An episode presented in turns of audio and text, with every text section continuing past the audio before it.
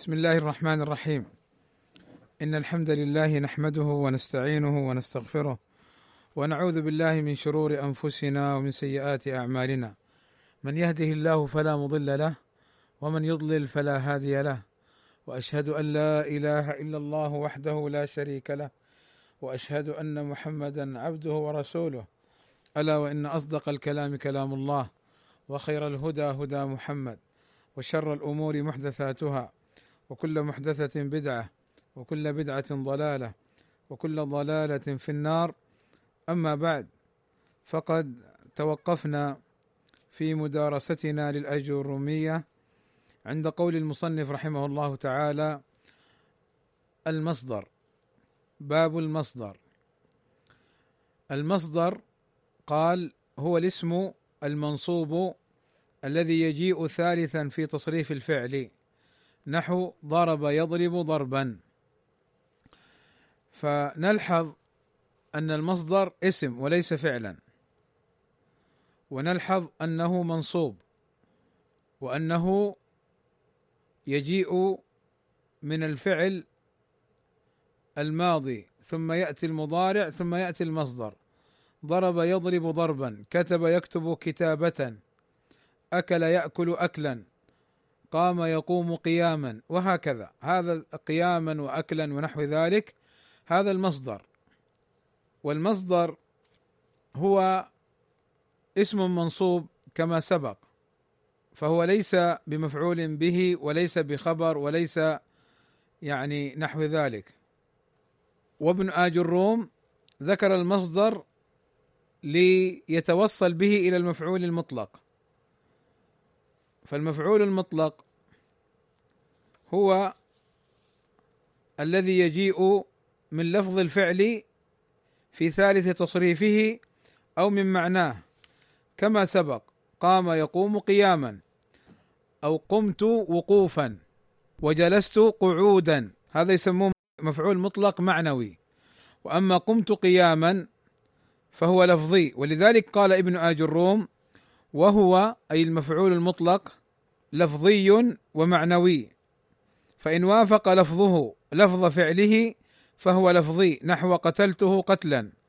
وإن وافق معنى فعله دون لفظه فهو معنوي نحو جلست قعودا وقمت وقوفا وما أشبه ذلك. فابن آجروم رحمه الله تعالى ذكر لنا أن المفعول المطلق وهو الذي يجيء ثالث تصريف الفعل قسمان. الأول لفظي وتعريفه أن يوافق لفظه لفظ الفعل فيكون بنفس الحروف وبنفس المعنى. كما مثل في قوله قتلت قتلا أو قمت قياما أو نحو ذلك. فنقول مثلا قام محمد قياما قام فعل ماضي ومحمد فاعل مرفوع وعلامة رفعه الضمة. وقياما مفعول مطلق لفظي منصوب وعلامة نصبه الفتحة. لكن المفعول المطلق سيأتي إن شاء الله أنه يعني لبيان قد يأتي لبيان آه، الهيئة كأن نقول قام محمد قياما سريعا. كتب الطالب كتابة جميلة. وقد يأتي لبيان العدد. كأن نقول كتبت كتابة واحدة أو أن تقول كتبت كتابتين اثنتين. ثم النوع الثاني أو القسم الثاني المفعول المطلق المعنوي. وضابطه أنه الذي الاسم الذي يوافق الفعل في المعنى لا في اللفظ. نحو جلست قعودا. فجلس وقعد في المعنى متقاربتين إلى حد ما وقمت وقوفا قام ووقف أيضا متقاربتين. وإن كان هناك فرق بين الجلوس وبين القعود هذا يراجع فيه فقه اللغة. يراجع فيه فقه اللغة. اذا المفعول المطلق قالوا أيضا هو ثلاثة أنواع. المؤكد لعامله نحو حفظت الدرس حفظا. فهنا حفظا مفعول مطلق حفظت فعل ماضي والتاء تاء الفاعل والدرس مفعول به وحفظا مفعول مطلق. لماذا أتي بالمفعول المطلق؟ لتأكيد الحفظ. وقد يأتي المفعول المطلق يبين نوع العامل. كقول القائل وقفت للأستاذ وقوف المؤدب فوقفت فعل ماضي والتاء تاء الفاعل وقف فعل ماضي والتاء تاء الفاعل وللأستاذ اللام حرف جر وأستاذ اسم مجرور على مجره الكسرة. وقوف مفعول مطلق وهو مضاف والمؤدب مضاف إليه مجرور بالإضافة. فهنا فائدة المفعول المطلق أنه يبين نوع العامل نوع الفعل. كيف كان وقوف؟ هل كان هناك وقوفا سيئا أم وقوفا مؤدبا؟ وأيضا يأتي المفعول المطلق مبينا للعدد. نحو قولك ضربت الكسول ضربتين. فهنا ضرب فعل ماضي والتاء تاء الفاعل والكسول مفعول به. وضربتين مفعول مطلق منصوب وعلامة نصبه الياء لأنه مثنى. وفائدته بيان عدد الضرب. ثم بين المصنف رحمه الله تعالى ظرف الزمان وظرف المكان. وظرف الزمان وظرف المكان منصوبان ويسميهم بعض النحاة يسمي بعض النحاة الظرف المفعول فيه يسميه المفعول فيه.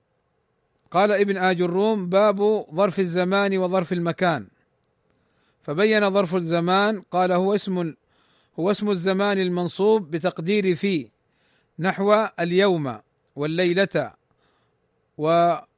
وغدوة وبكرة وسحرا وغدا وعتمة وصباحا ومساء وأبدا وأمدا وحينا وما أشبه ذلك. كل هذه ظروف زمان. لكن لا بد أن يشتمل المعنى على كلمة فيه أي أن الفعل وقع فيه. فإن وقع عليه لا يسمى ظرف زمان كما سيأتي. والظرف الظرف يطلق على الوعاء الإناء. فالكأس ظرف الماء أي وعاء الماء. وعند النحاة الظرف نوعان ظرف زمان وظرف مكان. أما الزمان فبينه بقوله اسم الزمان المنصوب بتقدير في. قوله بتقدير في هذا ضابط مهم لمعرفة ظرف الزمان. كقولك صمت يوم الاثنين أي في هذا اليوم وقع الصيام فصمت صام فعل ماضي والتاء تاء الفاعل ويوم ظرف زمان منصوب وعلامة نصبه الفتحة وهو مضاف الاثنين مضاف إليه.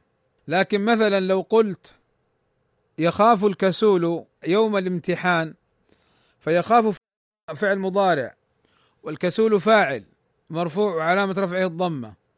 ويوم هنا مفعول به لا مفعول فيه ليس ظرف لأنه لم يقع الخوف يوم الامتحان إنما هو يخافه. يعني يخاف من الامتحان. فهنا يخاف الكسول يوم فيوم ليس الظرف هنا.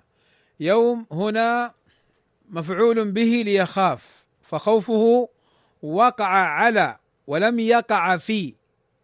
خوفه وقع على يوم الامتحان. وهذا موجود في القرآن في قول الله عز وجل في سورة الانفطار. قال الله عز وجل وما أدراك ما يوم بالرفع وما أدراك ما يوم الدين ثم ما أدراك ما يوم الدين بالرفع ثم قال يوم لا تملك. هنا ظرف. وأما قبلها كان مرفوعا لأنه ليس المعنى وما أدراك في بخلاف يوم لا تملك أي في ذلك اليوم. فيكون فيه تقدير في. فلذلك نبه ابن آج الروم على هذا الأمر بقوله بتقدير فيه ولذلك يسميه النحاة المفعول أو المفعول فيه. وذكر النحاة أن اسم الزمان نوعان. أو قسمان.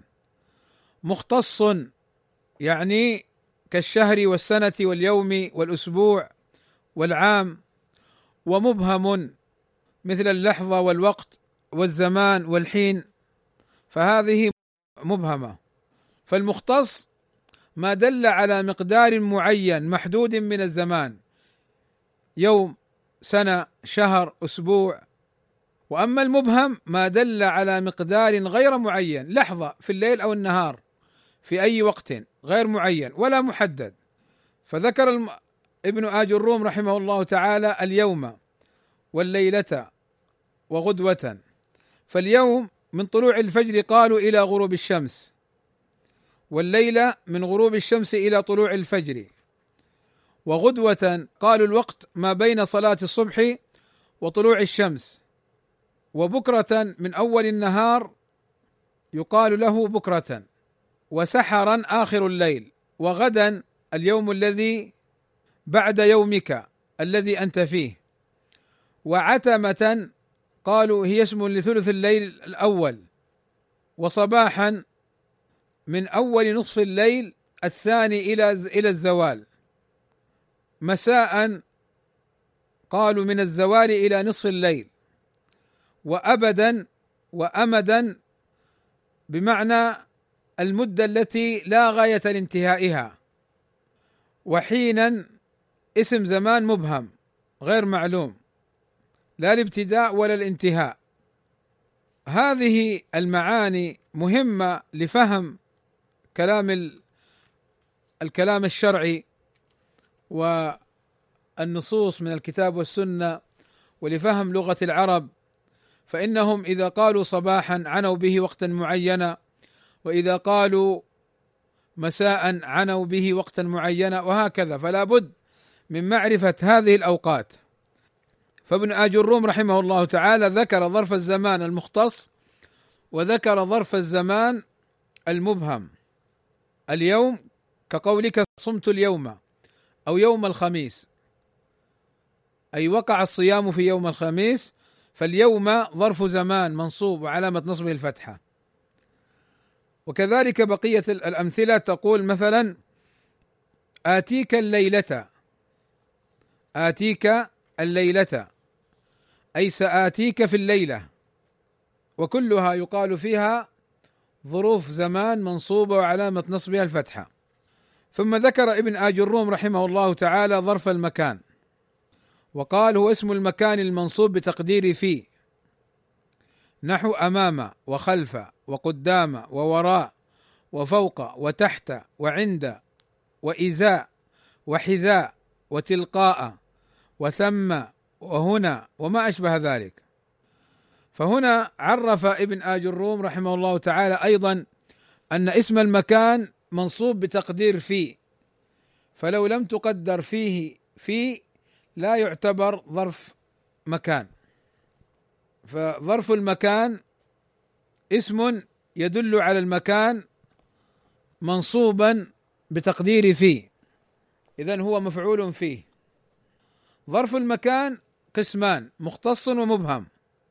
فالمختص قالوا ما له صورة محدودة كالبيت والدار والمسجد.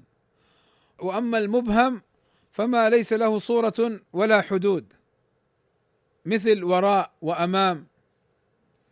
فاذا المختص ما له صورة محددة وحدود محصورة ولكن الذي ينصب على الظرفية المكانية هو المبهم وراء وأمام وخلف وقدام.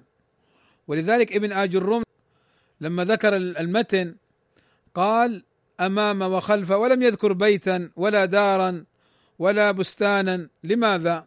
لأنه هذه يعني أسماء أمكنة تجر بالباء أو بالفي. كأن تقول قابلتك في الدار أو بإلى. كأن تقول ذهبت إلى المسجد. فإذا اسم المكان المختص لا يدخل معنا في ظرف المكان. وإنما اسم المكان المبهم قدام خلف وراء حذاء حذاء بمعنى بجانب وتلقاء ونحو ذلك. فنقول مثلا جلست أمام الأستاذ مؤدبا فجلس فعل ماضي والتاء تاء الفاعل وأمام ظرف مكان لأن المعنى جلست في أمام تتضمن معنى في وهو مضاف الأستاذ مضاف إليه.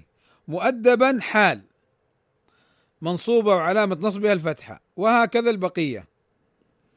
فإذا ظرف الزمان منه ما هو مختص ومنه ما هو مبهم وظرف المكان منه ما هو مختص ومنه ما هو مبهم. وظرف الزمان المختص والمبهم يأتي منهما ظرف الزمان منصوبا بشرط أن يكون فيه تقدير فيه. وظرف المكان لا يأتي إلا من المبهم بشرط أن يكون بتقدير فيه. ثم ذكر ابن آج الروم رحمه الله تعالى الحال وهذا ما يكون إن شاء الله في اللقاء القادم. وأكتفي بما ذكرت وأسأل الله عز وجل أن ينفعنا بما سمعنا. وأن يجعله حجة لنا لا حجة علينا. وصلى الله وسلم على نبينا محمد وعلى آله وصحبه وسلم أجمعين. والحمد لله رب العالمين. وأنبه إلى أمور مستكملا ما سبق وأن ذكرته في اللقاء الماضي من الطرق والأساليب والحيل التي يستعملها هؤلاء الذين يفسدون في الأرض ولا يصلحون. الذين يفرقون بين المشايخ فيما بينهم ويفرقون بين التلميذ وشيخه بل ويفرقون بين الابن وأبيه والأخ وأخيه مفسدين في الأرض غير مصلحين. وكم كنا نتمنى أن يكون حالهم أحسن من ذلك ولكن سنة الله عز وجل. في الحق له أعداء وله شياطين من الإنس والجن يسعون في الأرض فسادا لطمس معالم الحق وإنما هم في الحقيقة يطمسون أنفسهم ويسقطونها فلم تعد لهم قيمة ولم تعد لهم كلمة وأصبح السلفيون لا يرغبونهم ولا يرتضونهم. وأصبحوا كحال البعير الأجرب الذي يبتعد عنه الناس ولا يقربون. والحقيقة أني ذكرت أمورا سابقة وسأذكر الآن أمورا بإذن الله تعالى. أسأل الله عز وجل أن يجعل فيها البيان لمن أراد الحق والشفاء لمن وقع خلاف الحق. فمن الأمور التي أريد أن أنبه عليها وقد ذكرت سابقا سبلهم فأقول لو نظرنا في تعاملهم مع الشيخ محمد بن هادي المدخلي حفظه الله تعالى لوجدنا أن ما ذكرته من طرق وأساليب استخدموها مع الشيخ حفظه الله تعالى.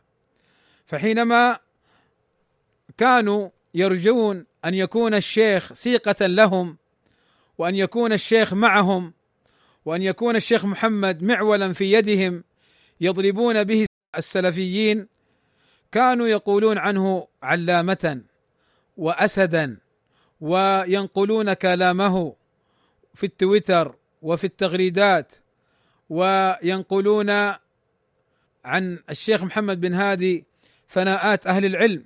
فلما خالفهم فيما يرغبون ولم يرضى أن يكون سيقة لهم نبذوه وحاربوه وضللوه وسعوا لإسقاطه وسعوا للإفساد بينه وبين الشيخ ربيع وسعوا للإفساد بينه وبين إخوانه من طلاب العلم والمشايخ. ولكن الحمد لله الحق ظاهر الحق ظاهر.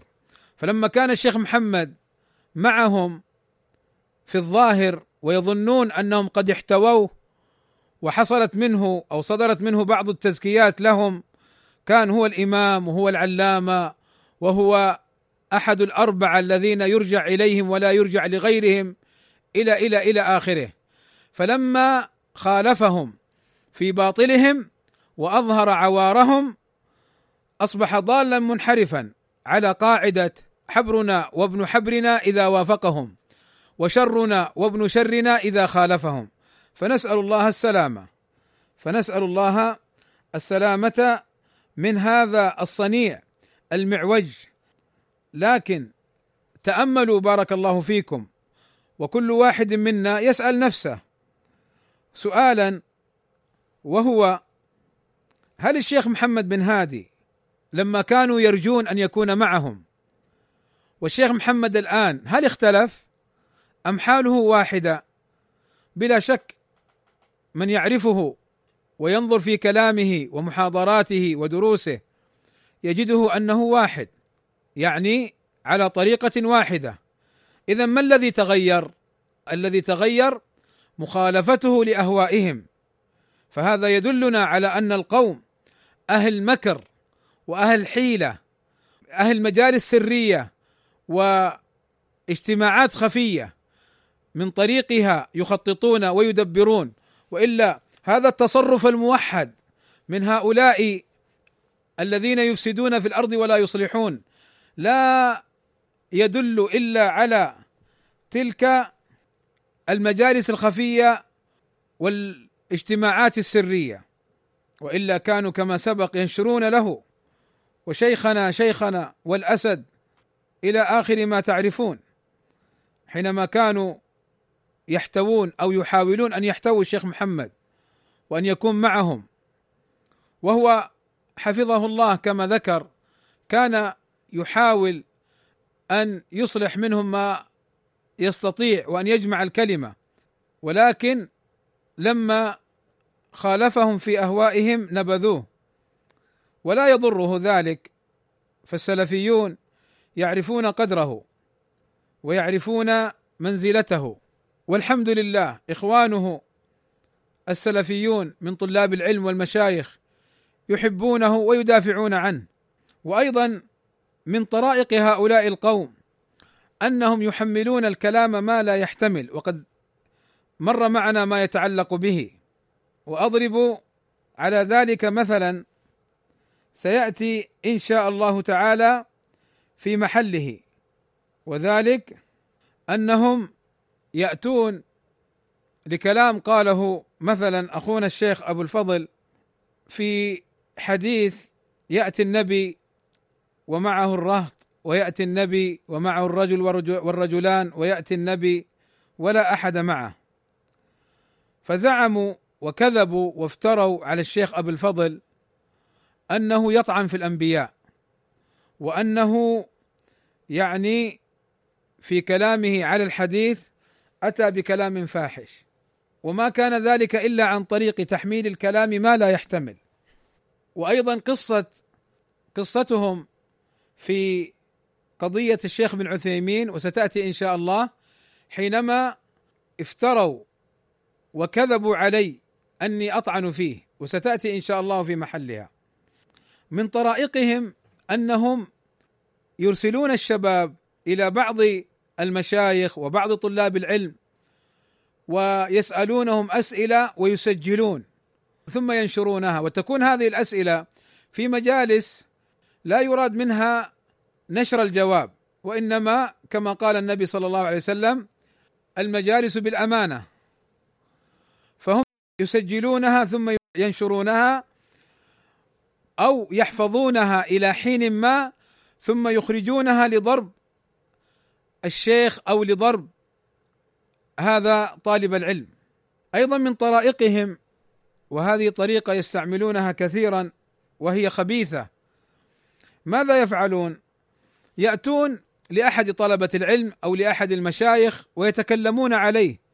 إما هم بأنفسهم بطريقة ما أو يرسلون شياطينهم من الإنس. يتكلمون على هذا الشيخ فيقوم هذا الشيخ أو طالب العلم يرد عليهم فيأخذون رد الشيخ هذا إلى بعض المشايخ كالشيخ ربيع مثلا ويقولون له شوف يا شيخ ربيع يتكلم فينا ويطعن فينا ونحن إخوانه ولا يظهرون للشيخ ربيع أنهم هم ابتداء ردوا عليه وافتروا عليه. فيظهر هذا الطالب أو هذا الشيخ في مقام أنه المبتدئ بالأذية والرسول صلى الله عليه وسلم يقول المستبان ما قالا فعل البادئ. إذا استب اثنان الإثم على البادئ منهما. ما لم يعتد الثاني. فهؤلاء ماذا يفعلون؟ يجعلون انه الثاني هو المبتدئ بالسباب أو بالردود. فيوهمون الشيخ أو بعض المشايخ أن هذا الشيخ السلفي هو الذي يبتدئهم بالطعن والرد و و و إلى آخره. فيقوم الشيخ يتضايق وقد تصدر منه كلمات فيسجلونها خفية ويحتفظون بها وقد يسمعونها لبعض الشباب السلفي انظروا الشيخ الفلاني قال عنه كذا اسمعوا. والشيخ إنما قالها في مقام ما كذبوه على هذا الشيخ السلفي أو طالب العلم السلفي وهكذا خدعوا كثيرا من طلاب العلم بهذا الأسلوب الرخيص الخسيس. الذي نسأل الله عز وجل أن يرد كيدهم في نحرهم. أيضا من طرائقهم الإلزام. إن لم تكن معنا فأنت ضدنا. وإن لم تطعن في فلان سنطعن فيك. نعم. هذه قيلت لبعض طلاب العلم ولبعض المشايخ. بل إذا زكى الشيخ أخاه السلفي الذي يسعون لإسقاطه يسقطون حتى الشيخ الثاني. يعني حربا ضروسا كانوا يشعلونها فالحمد لله الذي أخمدها وأخمدهم. وحقيقة امرا لا بد أن أذكره أن ولاة أمرنا في المملكة العربية السعودية جزاهم الله خيرا يرفضون أي أسلوب من هذه الأساليب ويمنعون كل من تسول له نفسه في أذية السلفيين أن يؤذيهم. وكذا أن يؤذي أي إنسان مظلوم. ولذلك هؤلاء هذه العصابة ما استطاعت أن تتكلم بنفسها. وإنما وهذا من طرائقهم إنما يوظفون المجاهيل. يعني واحد من اليمن يطلع يطعن في أبي الفضل يطعن في عادل منصور يطعن في أحمد بازمول تقوم هذه العصابة لأنه هذا الذي طعن في في بازمول وفي عادل منصور وفي أبي الفضل وفي غيرهم ما هو معروف يقوموا يسووا سؤال يسأل أحدهم من هؤلاء المتردية والنطيحة وما أكل السبع يسأل أحدهم آه يا شيخ فلان آه هل تعرف فلان؟ نعم أخونا سلفي وهو من الذين يعني نعرفهم أو دخل عند الشيخ الفلاني والشيخ الفلاني يعرفه بسلفيته لماذا؟ لأنه لما يأتي مجهول يطعن في سلفي يرد طعنه. هم كيف يجعلون طعنه محل اعتبار؟ يعطونه تزكية إبرة تزكية. بهذه الطريقة يتعاملون لخديعة السلفيين. وإلا متى نعرف المترديه والنطيحه من ليبيا والمترديه والنطيحه من اليمن؟ هؤلاء الذين خرجوا يطعنون في السلفيين متى نعرفهم؟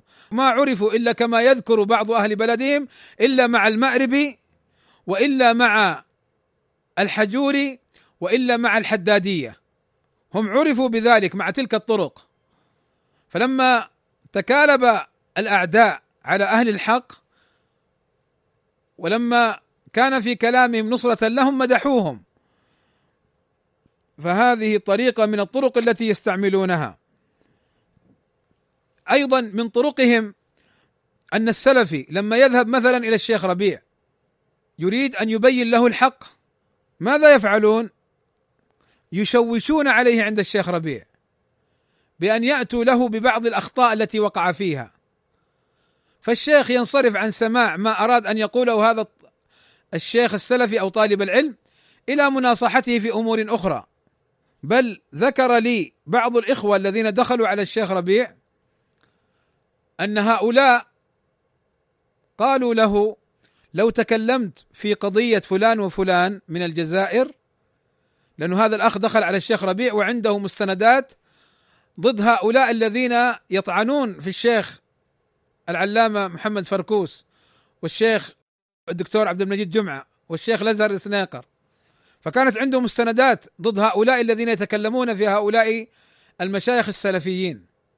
فقالوا له بالحرف الواحد لو فتحت ملف هؤلاء فعندنا ملف من تغريداتك وكتاباتك في الواتساب تنصر فيها فلان وفلان يعني تنصر فيها الشيخ محمد بن هادي وبازمول وفلان وفلان فالشيخ ربيع حينها يغضب من هذا الداخل عليه. فبهذا الأسلوب يتعاملون للأسف الشديد وغيره من المشايخ. أيضا من طرائقهم في عدم وصول الحق لبعض المشايخ أنهم لا يسمحون بالدخول عليه قدر إمكانهم. أيضا من الأمور التي أريد أن أبينها في منهجهم أنهم إذا أخطأ السلفي خطا مثله لا يسقطه. يضخمون هذا الخطأ وينشرونه بين الشباب ويعظمونه مع أن هذا الشيخ السلفي تاب وتراجع وقال هذا خطأ وأستغفر الله منه ومع ذلك يضخمونه. ثم يأتون إلى أخطائهم وأخطاء من معهم يعتبرونها أخطاء يسيرة سبق لسان أو غير مقصودة أو نحو ذلك. فهم يضخمون أخطاء السلفيين وأحيانا يكون الخطأ ليس خطأ عظيما أو فاحشا. يكون الخطأ مما لا يسلم منه البشر غالبا. وللأسف يطالبون السلفي بالتوبة من هذا الخطأ وأن يعلن توبته. لماذا؟ حتى إذا طعنوا فيه قالوا ترى عنده أخطاء هو تراجع عنده توبة. ولذلك إخواني أنا أقولها صريحة. أنا أخطئ. أحمد بازمول يخطئ وعندي أخطاء. أنا ما أقول إني معصوم. ولكن دائما أطالبهم أعطوني خطا من أخطائي حتى أتراجع. أما أن تقولون تب يا بازمول تراجع يا بازمول طيب من إيش أتوب؟ لأني لو تبت أو تراجعت سيقولون شايفين؟ بازمول تاب وتراجع. اذا عنده أخطاء وأخطاء مجموعة. بازمول عنده كذا وكذا. مثلا هذا أضرب لكم كمثال. فإذا بارك الله فيكم. هم يسعون بكل جهدهم أن يتوب السلفي ويعلن توبته لا لقبول توبته لا وإنما بالاستدلال بتوبته على إسقاطه. وهذا منهج حدادي. أن التائب وإن تاب لا تقبل توبته. هذا منهج حدادي غالي وهم يسيرون عليه. أبو الفضل أخونا والله طالب علم وشيخ سلفي واضح وكان الشيخ ربيع يقول عنه جبل من جبال ليبيا في السلفية. يقول أتوب إلى الله مما عملت ومما لم أعمل. أتوب إلى الله مما علمت ومما لم أعلم. وأنا أتوب من كل ذنب ومع ذلك لم يقبلوا توبته. ولا زالوا يطعن فيه. ولا زالوا يقدحون فيه. ولا زالوا يجرحونه. لماذا؟ يقول لك شوف هو تاب. اذا عنده أخطاء. حتى أتى في مرحلة أن أتاهم بصك الغفران. توبة مكتوبة موقعة مختومة. إيش هذا؟ هذه دولة داخل دولة خذوها صريحة. هذه محكمة هذه مجالس سرية. هذه أمور خفية.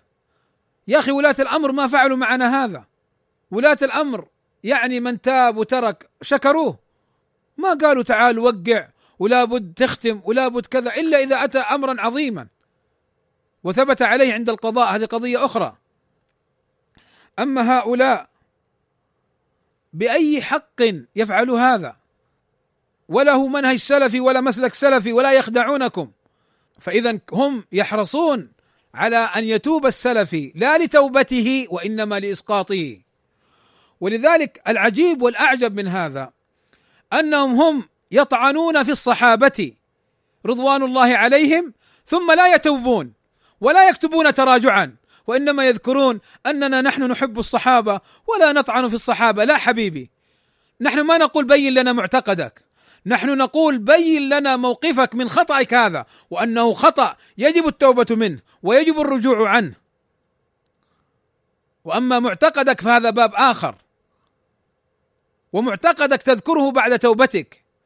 أما أن تطعن في الصحابة وأن تذكر كلاما سيئا في الصحابة ثم تذكر منهجك أو طريقتك في الصحابة وأنهم يعني أصحاب النبي صلى الله عليه وسلم ولا يجوز الطعن فيهم ولا ولا ولا ولا هذه قد تكون يعني تقية. هذه قد تكون تلاعب وحيل. لو ماتوا على هذا لماتوا على الكفر. أعوذ بالله. أصحاب النبي صلى الله عليه وسلم. يجب أن يقول هذا الكلام خطأ وباطل وأتراجع منه. لو مات على هذا لمات ضالا. أعوذ بالله هذا صحابي رسول الله صلى الله عليه وسلم. ولا يضرب لأصحاب النبي صلى الله عليه وسلم مثل السوء. فيقال تبت من هذا الكلام. ما يقال وأنا يعني أعتقد فيهم وأنهم وكلامي مثل ابدا أهل العلم ما قالوا هذا الكلام. يأتي ذاك الآخر ويطعن في بعض العلماء كالشيخ مقبل الوادعي رحمه الله تعالى ويصفه بأوصاف السوء وأوصاف البدعة ولا يتراجع من ذلك ولا يتب. ثم يريدون من السلفيين أن يتوبوا وأن يعلنوا توبتهم. أما هم لا. هم ملائكة أبرار. أخطاءهم محمولة على الصواب وكأنهم يسيرون على القاعدة التي تقول خطأنا صواب أو كلامنا صواب لا يحتمل الخطأ. وكلام غيرنا خطأ لا يحتمل الصواب. فهذه لا شك أنها قاعدة أشبه ما تكون بقاعدة اليهود المتلاعبين. كيف يسير السلف عليها؟ فهذه من طرائقهم ومن حبائلهم ومن مكائدهم ومن حيلهم التي يسيرون عليها. ولذلك يحاولون يحاولون أن يتوبوا السلفي لابد تخرج توبة. يا أخي طيب أنا أتوب. بالعكس أنا أفرح. إذا بينت لي خطئي ثم أقول أخطأت في كذا والصواب كذا. طبعا لما نقول توبة انتبهوا إخواني هناك خطأ عابر. خطأ بمعنى ليس عن انحراف وإنما وقع فيه الإنسان يعني زلة.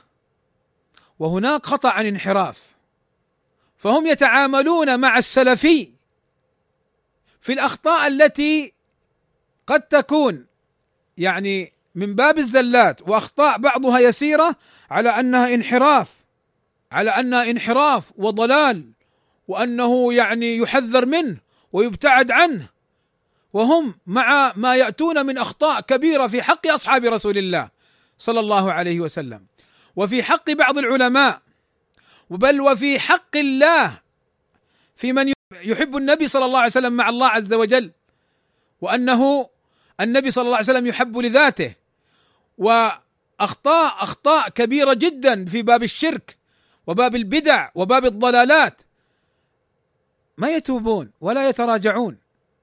بل لما بين السلفيون وردوا على أخطائهم الواضحة قالوا أنتم تطعنون في المشايخ وهذه من طرقهم. أنتم تسعون لفرقة المسلمين. طيب انت الآن لما كنت أول تجمع الأخطاء على السلفيين ما كنت تطعن في السلفيين انت ملاك طاهر. وانت لما كنت تحذر من السلفيين بأخطاء ليست عن انحراف لست مفرقا بل تجمع للكلمة وأنت المفرق في الحقيقة. وأنت الذي تسعى لضرب السلفية والسلفيين. وهذه قضية سأعرج عليها إن شاء الله في وقتها. لماذا يسعون لضرب السلفية والسلفيين؟ فبارك الله فيكم هذه طرقهم. ولذلك هم دائما انتبهوا سيأتي إن شاء الله في محله. أو خليني أذكرها الآن من طرقهم أنهم يوهمون الشباب أن السلفيين الذين يردون الخطأ بأدب واحترام وبالدليل والحجة القصد من ذلك إسقاط الشيخ ربيع وإسقاط الشيخ عبيد. السلف لما كانوا يردون على بعضهم في الخطأ كانوا يسعون لإسقاط بعضهم. يعني هل الشيخ ربيع والشيخ عبيد قالوا نحن معصومون من الخطأ؟ هل الشيخ ربيع والشيخ عبيد قالوا لا تردوا علينا أخطاءنا؟ والله لو قالوها لنرد عليهم لأن هذا هو الحق ولكن ما قالوها. الشيخ ربيع معروف جزاه الله خير أن من أتاه ببيان الخطأ يتراجع ويبين فأين الطعن؟ بالعكس متى يبان الحق؟ ومتى يرد الباطل؟ بالرد على الباطل وإظهار الحق. فهم دائما وهذه من طرائقهم وانتبهوا لهم. يقولون فلان ها يتكلم يقصد يطعن ويسقط الشيخ ربيع. يقصد يسقط الشيخ عبيد. يا أخي هؤلاء المشايخ ما أتينا إلى إسقاطهم لا لسنا حدادية. ولكن رد الخطأ ليس من باب إسقاط المشايخ ابدا. ابدا هذا هذا يعني قول باطل عاطل ومسلك من باب الحيل للصد عن الحق. فمن طرق أهل الباطل وصف الحق وأهله بأوصاف السوء. لما يجيك واحد يقول لك والله فلان يقصد يسقط الشيخ ربيع كيف؟ والله ما نقبل. ما يقول لك فلان رد الخطأ الذي وقع فيه الشيخ ربيع. أما قال الشيخ ربيع هذه كتبي هذه أشرطتي ردوا علي أخطائي لكن بعلم. قال الشيخ عبيد عنده أخطاء. هو نفسه يعترف بهذا. عنده أخطاء موجودة في كتبه وأشرطته. بعضها تراجع عنها جزاه الله خيرا. وتوجد أخطاء ليست بالقليلة لم يتراجع عنها. كيف يعرفها السلفي إن لم يرد عليها؟ الإيميل انتبهوا مسألة الإيميل يقصد بها أحد أمرين. الأمر الأول من باب التواصل مع الشيخ ليتراجع. ولا مانع مع ذلك أن ترد علنا على الشيخ.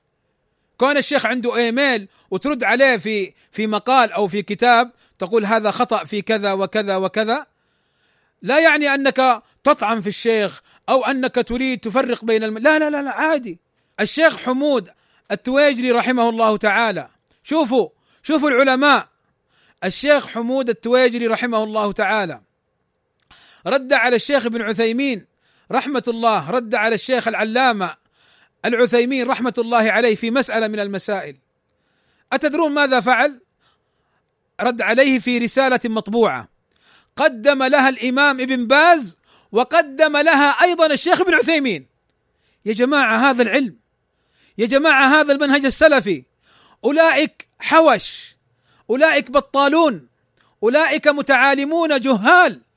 أولئك رجيع الجماعات ومخلفاتها وزبالاتها يريدون أن يمشون على المنهج المخالف للمنهج السلفي في صورة اللباس السلفي. هذه هي الحقيقة. اعقلوها وعوها وانتبهوا لها. ما قال الشيخ بن باز؟ لا لا ترد على ابن عثيمين. ابن عثيمين علامة إمام. ولا قال الشيخ بن عثيمين لا لا ترد علي. أنا أتراجع أو أقول عقيدتي في في المسألة هذه وخلاص. لا بل قال ابن عثيمين أخطأت وأستغفر الله وأتوب إلى إلى آخره. جزاه الله خيرا. هذا فعل الأئمة. فاذا الإيميل إذا كان المقصود منه التواصل مع الشيخ مع الرد عليه لمن أراد أن يرد عليه في مقال أو في كتاب فهذا خير على خير. وأما الإيميل إذا كان المقصود منه إخفاء إخطاء الشيخ وأن تدخل في سرداب المهدي المنتظر فهذا إيميل باطل لأن المقصود بهذا الإيميل أن تخفى أخطاء الشيخ واحد والمقصود بهذا الإيميل أن لا يقال أن الشيخ الفلاني أخطأ اثنين والمقصود بهذا الإيميل أن لا يرد السلفي على الأخطاء إلى غير ذلك. فاذا هنا نقول هذا الإيميل إيميل شر وإيميل بلاء لأن المقصود من إخفاء الأخطاء. إيميل يوزع أو ينشر والمراد به إخفاء الحقائق. هناك بعض المشايخ وقع في نصرة مذاهب الأشاعرة وغيرهم في تأويل الأسماء وقال هذه مذاهب أهل الحق. هناك من المشايخ من وقع في بعض الأخطاء المتعلقة بالتوحيد وقال هذه جائزة ولا أرى فيها بأس. بالله لما عوام السلفيين يسمعون مثل هذه الأخطاء ما موقفهم؟ هناك من يقول أفعال الله مخلوقة. من السلفيين؟ عفوا من المتعالمين. الجهال من المتصدرين وإن كان سلفيا. أو يزعم أنه سلفي. بالله لما يسمعها العوام ومن لا علم عنده ماذا يكون موقفه؟ والله الذي لا إله إلا هو لا نذكر هذه الأخطاء. والله حسيبنا. لا نذكر هذه الأخطاء من باب إسقاط أحد ولكن من باب الدفاع عن ديننا وعن منهج السلفي وعن سنة نبينا صلى الله عليه وسلم. يقول ابن رجب في كتابه الفرق بين النصيحة والتعيير في كلام فيما معناه أن الراد على المخطئ يشكر ولا يذم ثم الراد على المخطئ إن كانت نيته لله فإنه يكون مأجورا. وإن كانت نيته يعني التشفي يعني فيما معنى الكلام وإسقاط الآخرين ظلما أو عدوانا أو كذا فإنه لا يؤجر بل يأثم. فهذه الأخطاء حينما تنتشر وتبلغنا والله ما تتبعناهم. سبحان الله وهذه والله يا إخواني أذكرها لكم من باب العبرة. يعلم الله ويشهد ما تتبعناهم ابدا وإنما يعني تأتي الصوتيات وتخرج الصوتيات من غير أن نرسل عليهم ناس يسجلون عليهم كما هم يرسلون ناسا يسجلون علينا. ومن غير أن نتقصدهم كما هم يتقصدون. ومن غير أن نتتبعهم كما هم يتتبعون. ولكن حكمة الله عز وجل في الظلمة الذين يؤذون الناس أن الله عز وجل لا يخليهم ونياتهم الفاسدة. إما في الدنيا وإما في الآخرة. إخواني بارك الله فيكم. مما أريد أيضا أن أبينه من مسالكهم الفاسدة وطرقهم العاطلة. قضية مهمة ولا بد أن يتنبه لها السلفيون وبها مع مسألة أخرى سأختم كلامي إن شاء الله تعالى. ما هي هذه القضية؟ هي وانتبهوا لها جيدا بارك الله فيكم. إيهامهم للسلفيين أن الخلاف والفتنة الحاصلة هي فقط بين الشيخ محمد بن هادي وبينهم بين هؤلاء الذين تكلم فيهم الشيخ محمد بن هادي. وهذا خطأ إخواني. خطأ وخطأ عظيم. لأنه ليست المسألة أن يمدحوا الشيخ محمد بن هادي وأن يقول هو شيخنا وخلاص لا. المسألة هي ما عند هؤلاء من منهج حدادي ومنهج أيضا حتى تكفيري ومنهج أيضا حتى منهج الخروج. يذكرون وينكرون على ولاة الأمر وعلى الوزراء علنا في التويتر وبعضهم تشعر من نفسه في خطبته أو في درسه التكفير لبعض ولاة الأمر. وأيضا ما عندهم من طعن في المشايخ السلفيين. وما عندهم في طعن في الصحابة وما عندهم من اجتماعات سرية وجلسات خفية وما عندهم من انحرافات أخر. فقضية الشيخ محمد بن هادي هي جزء من مخالفاتهم وليست قضية محمد بن هادي هي مخالفاتهم. انتبهوا. ولذلك هم يفرحون بهذا. يفرحون أن يحصر خطأهم في خلافهم مع محمد بن هادي. لا. الشيخ محمد بن هادي نعم. شيخ سلفي وهم أخطأوا في الطعن فيه وأساءوا الأدب بما يتكلمون ويتلفظون به معهم. نعم من رد على الشيخ محمد بن هادي خطأه بأدب نشكره. فالشيخ محمد بن هادي بشر يصيب ويخطئ ولا نقول أنه معصوم. وهو الشيخ نفسه يقول هذا الكلام. ولكن ليس الخلاف انتبهوا. ليس الخلاف بين هؤلاء هو فقط مع الشيخ محمد بن هادي. أما طعنوا في مشايخ الكويت السلفيين أما طعنوا في الشيخ مقبل أما طعنوا في الشيخ عادل منصور في الشيخ رزيق القرشي في الشيخ آه، خالد عبد الرحمن المصري في غيره من المشايخ في الشيخ أبو الفضل الليبي ويسعون لإسقاطهم هذه مخالفة على وزن الحدادية لفظا ومعنى. أما وقع منهم تعد وسب للصحابة هذه مخالفة خطيرة. أما وقع منهم طعن في الشيخ مقبل بن هادي الوادعي وهذا يدخل فيما سبق. أما وقع منهم واعتبارهم للرد على أخطاء العالم أنه من باب الفرقة ومن باب الطعن فيه ومن باب إسقاط العالم فهذا وصف للمنهج السلفي بأوصاف السوء. أما وقع منهم أيضا مخالفات متعلقة حتى بالعقيدة أما وقع منهم أمور اذا ليست افهموا أيها السلفيون افهموا ليست القضية هي خاصة ومتعلقة بشيخنا الفاضل محمد بن هادي حفظه الله تعالى مع هؤلاء. وإنما قضية الشيخ محمد هي جزء والشيخ محمد جزاه الله خيرا فضحهم ولم يرضى أن يستمر معهم على باطلهم. لما تبين للشيخ محمد بن هادي حفظه الله تعالى أنهم يريدون الباطل وقف في وجههم وهذا يشكر عليه جزاه الله خيرا ويحسب له هذا الموقف الشجاع ضد هؤلاء. فإذا بارك الله فيكم. هذه أعني قضية الشيخ محمد بن هادي جزء من المشكلة والفتنة.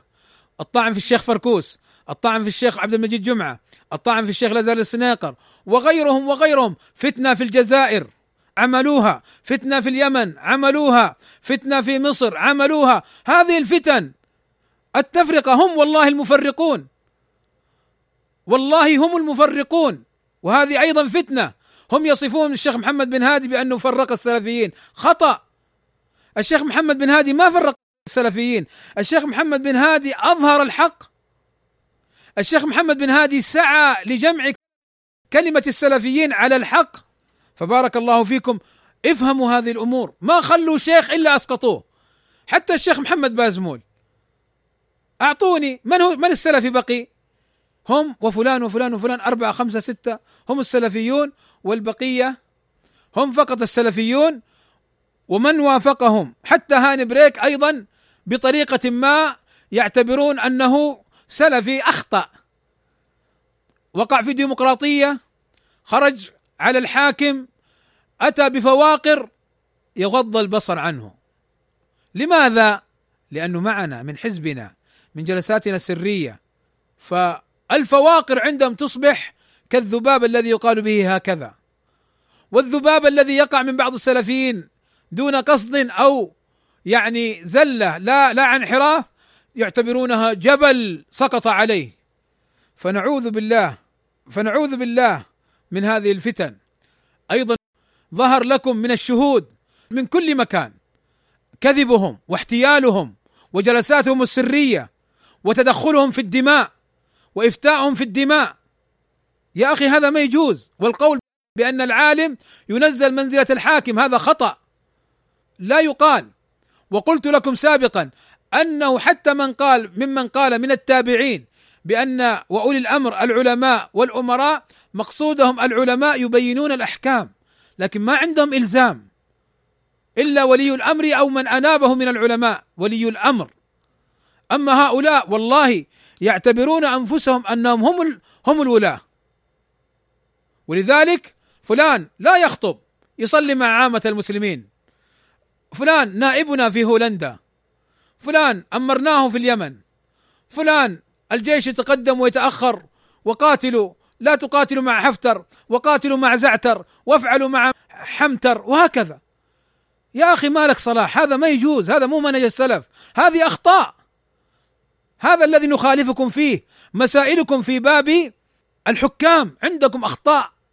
عندهم أخطاء فظيعة فيها. بل حتى مسائل الإيمان والتكفير عندهم شيء على طريقة الحدادية. يخفونه ويتسترونه. ألا تذكرون ذاك الشر حينما تاب مما تاب منه وأظهر توبته عن طريق الحيل؟ فبارك الله فيكم. هذه يعني شيء من فتنهم. فليست القضية اختلافهم مع الشيخ بن هادي. لا الشيخ بن هادي جزء من القضية وإلا فالقضية أكبر والفتنة أكبر والخلاف معهم أكثر. فعوا هذه القضية وافهموها. وأختم كلامي بارك الله فيكم بمسألة مهمة ودقيقة. أرجو أن تفهموها. وقع بها اللبس وهي من طرائقهم. في طعن في السلفيين ماذا يقولون؟ يقولون يقول بعض هؤلاء الشيخ محمد بن هادي قذف وحكم القاضي بأنه قاذف. فيأتون للسلفيين. والله اتصل بي عدة من عدة بلاد وراسلوني على الواتساب. يقول يوجد عندنا هؤلاء يقولون لنا بينوا موقفكم من ابن هادي. هل هو قاذف أم لا؟ فإن قلنا قاذف ضمونا إليهم وإن قلنا لا أو سكتنا حذروا منا ونفروا منا. يا إخوان هذه فتنة هذه امتحان السلفي ما يجوز بالصورة هذه. طيب نحن ماذا موقفنا من ابن هادي؟ نحن موقفنا من ابن هادي هو قول النبي صلى الله عليه وسلم من حسن إسلام المرء تركه ما لا يعنيه. وقول النبي صلى الله عليه وسلم رحم الله امرأ قال خيرا فغنم أو سكت عن شر سوء فسلم أو كما قال عليه الصلاة والسلام. نحن موقفنا هو الموقف السلفي. ما موقفنا؟ موقفنا أن نقول نحن لسنا نخوض في القضية فلسنا مع الشيخ محمد بن هادي في قضية القذف موافقة ولسنا مع الشيخ محمد بن هادي في قضية القذف ضدا ومخالفة. نحن متوقفون أي ليس لنا قول. وهذا التوقف محمود. لماذا؟ لأن القضية عند ولاة الأمر وعند القضاة. هم الذين يحكمون بها. طيب القاضي قضى. نقول نعم القاضي قضى ولكن ولي الأمر جعل للمحكوم عليه حقا في أن يراجع وأن يطلب مراجعة القضية. فالشيخ محمد بن هادي رفع دعوة مراجعة ضد هذا الحكم ومن حقه ذلك. والآن لا زالت القضية تحت النظر وليس هناك حكما لا بالسلب ولا بالإيجاب حتى تأتي القضية مرة أخرى وترجع إما برفضها أي برفض اتهامه بالقذف فحينها نقول أنه غير قاذف. وإما أن تأتي القضية بإدانته بالقذف فحينها تكون القضية كذلك فيما حكم به القاضي. أما تريدون من الآن أن نحكم على الشيخ محمد بن هادي أنه قاذف وتمتحنون الناس لا شك أن هذا خطأ. فإذا بارك الله فيكم لا بد أن نعلم أن من قال بأن الشيخ محمد بن هادي قذف فهو خاطئ. ومن قال بأن الشيخ محمد بن هادي لم يقذف فهو خاطئ مخطئ. ومن قال لا داعي لحكم المحاكم وأنه قاذف بدلالة الآيات فهو خاطئ لأنه مخالف لولي الأمر الذي أمرنا بطاعته أمرنا الله عز وجل بطاعته وفتح باب للفتن وهو لا يشعر. فبارك الله فيكم هذا موقفنا. فمن يقول أنتم أنتم تؤيدون القذف. يا أخي والله ما أيدناه. من أين أتيت بأننا نؤيد القذف؟ هذا ظلم في الخصومة وفجور. ما يصلح ما يجوز أن تقول بأننا نؤيد القذف. من يؤيد القذف؟ ولكن نحن موقفنا أننا نكل الأمر إلى ولي الأمر. انتهينا. تبغاني إلا أحكم؟ ليه انت إيش شايف نفسك؟ شايف نفسك حاكم؟ تلزمنا بمثل هذا الأمر؟ لا ما يلزمنا. الشيخ محمد بن هادي نفسه لو سألناه لقال احترموا ولاة الأمر. فليست القضية لما ندافع عن الشيخ محمد بن هادي أننا ندافع عن قضية القذف. وليست القضية في قضية القذف أو غيره من حيث هي. هذه قضية جانبية لسنا نخوض فيها. لا سلبا ولا ايجابا. هذا الموقف الشرعي. فلا يعني كلامي الطعن في الشيخ محمد بن هادي ولا يعني كلامي تبرئة الشيخ محمد بن هادي إنما يعني كلامي وهو كلام أهل العلم التوقف وعدم الخوض. فبارك الله فيكم. هذه جملة من التنبيهات وجملة من الأمور. أسأل الله عز وجل أن يحفظنا وإياكم من الفتن ما ظهر منها وما بطن. ووالله إن هؤلاء أعني الذين يفسدون في الأرض ولا يصلحون. أصحاب المجالس السرية والجلسات الخفية. والله إنهم أهل كذب وفجور. حتى الشيخ الفوزان كذبوا عليه. وغيره من المشايخ كذبوا عليه. فلا إله إلا الله ما أعظم فتنتهم. ولا إله إلا الله نحمده على نصره للحق وأهله. يا إخواني لابد أن نعرف كيف نزن الأمور. ولا بد أن ننظر للقضية كما هي. فلا ينبغي لنا أن نحجم القضية في أنها في مسألة القذف كما يحاول هؤلاء أن يفعلوه. بل القضية هي في مصير أمة من الناس وسمعة الدعوة السلفية. فهؤلاء خلافنا معهم في القضايا السابقة. فالقضية ليست واحدة بل هي قضية مع كثير من السلفيين. في كثير من الأماكن والبقاع. فأسأل الله عز وجل أن يرزقني وإياكم الإخلاص في القول والعمل وأن يجنبني وإياكم الفتن ما ظهر منها وما بطن. وأسأله سبحانه وتعالى أن يهدي من ضل للحق وأن يغفر لنا الذنوب والآثام والزلات. إنه غفور رحيم. وصلى الله وسلم على نبينا محمد وعلى آله وصحبه وسلم أجمعين والحمد لله رب العالمين.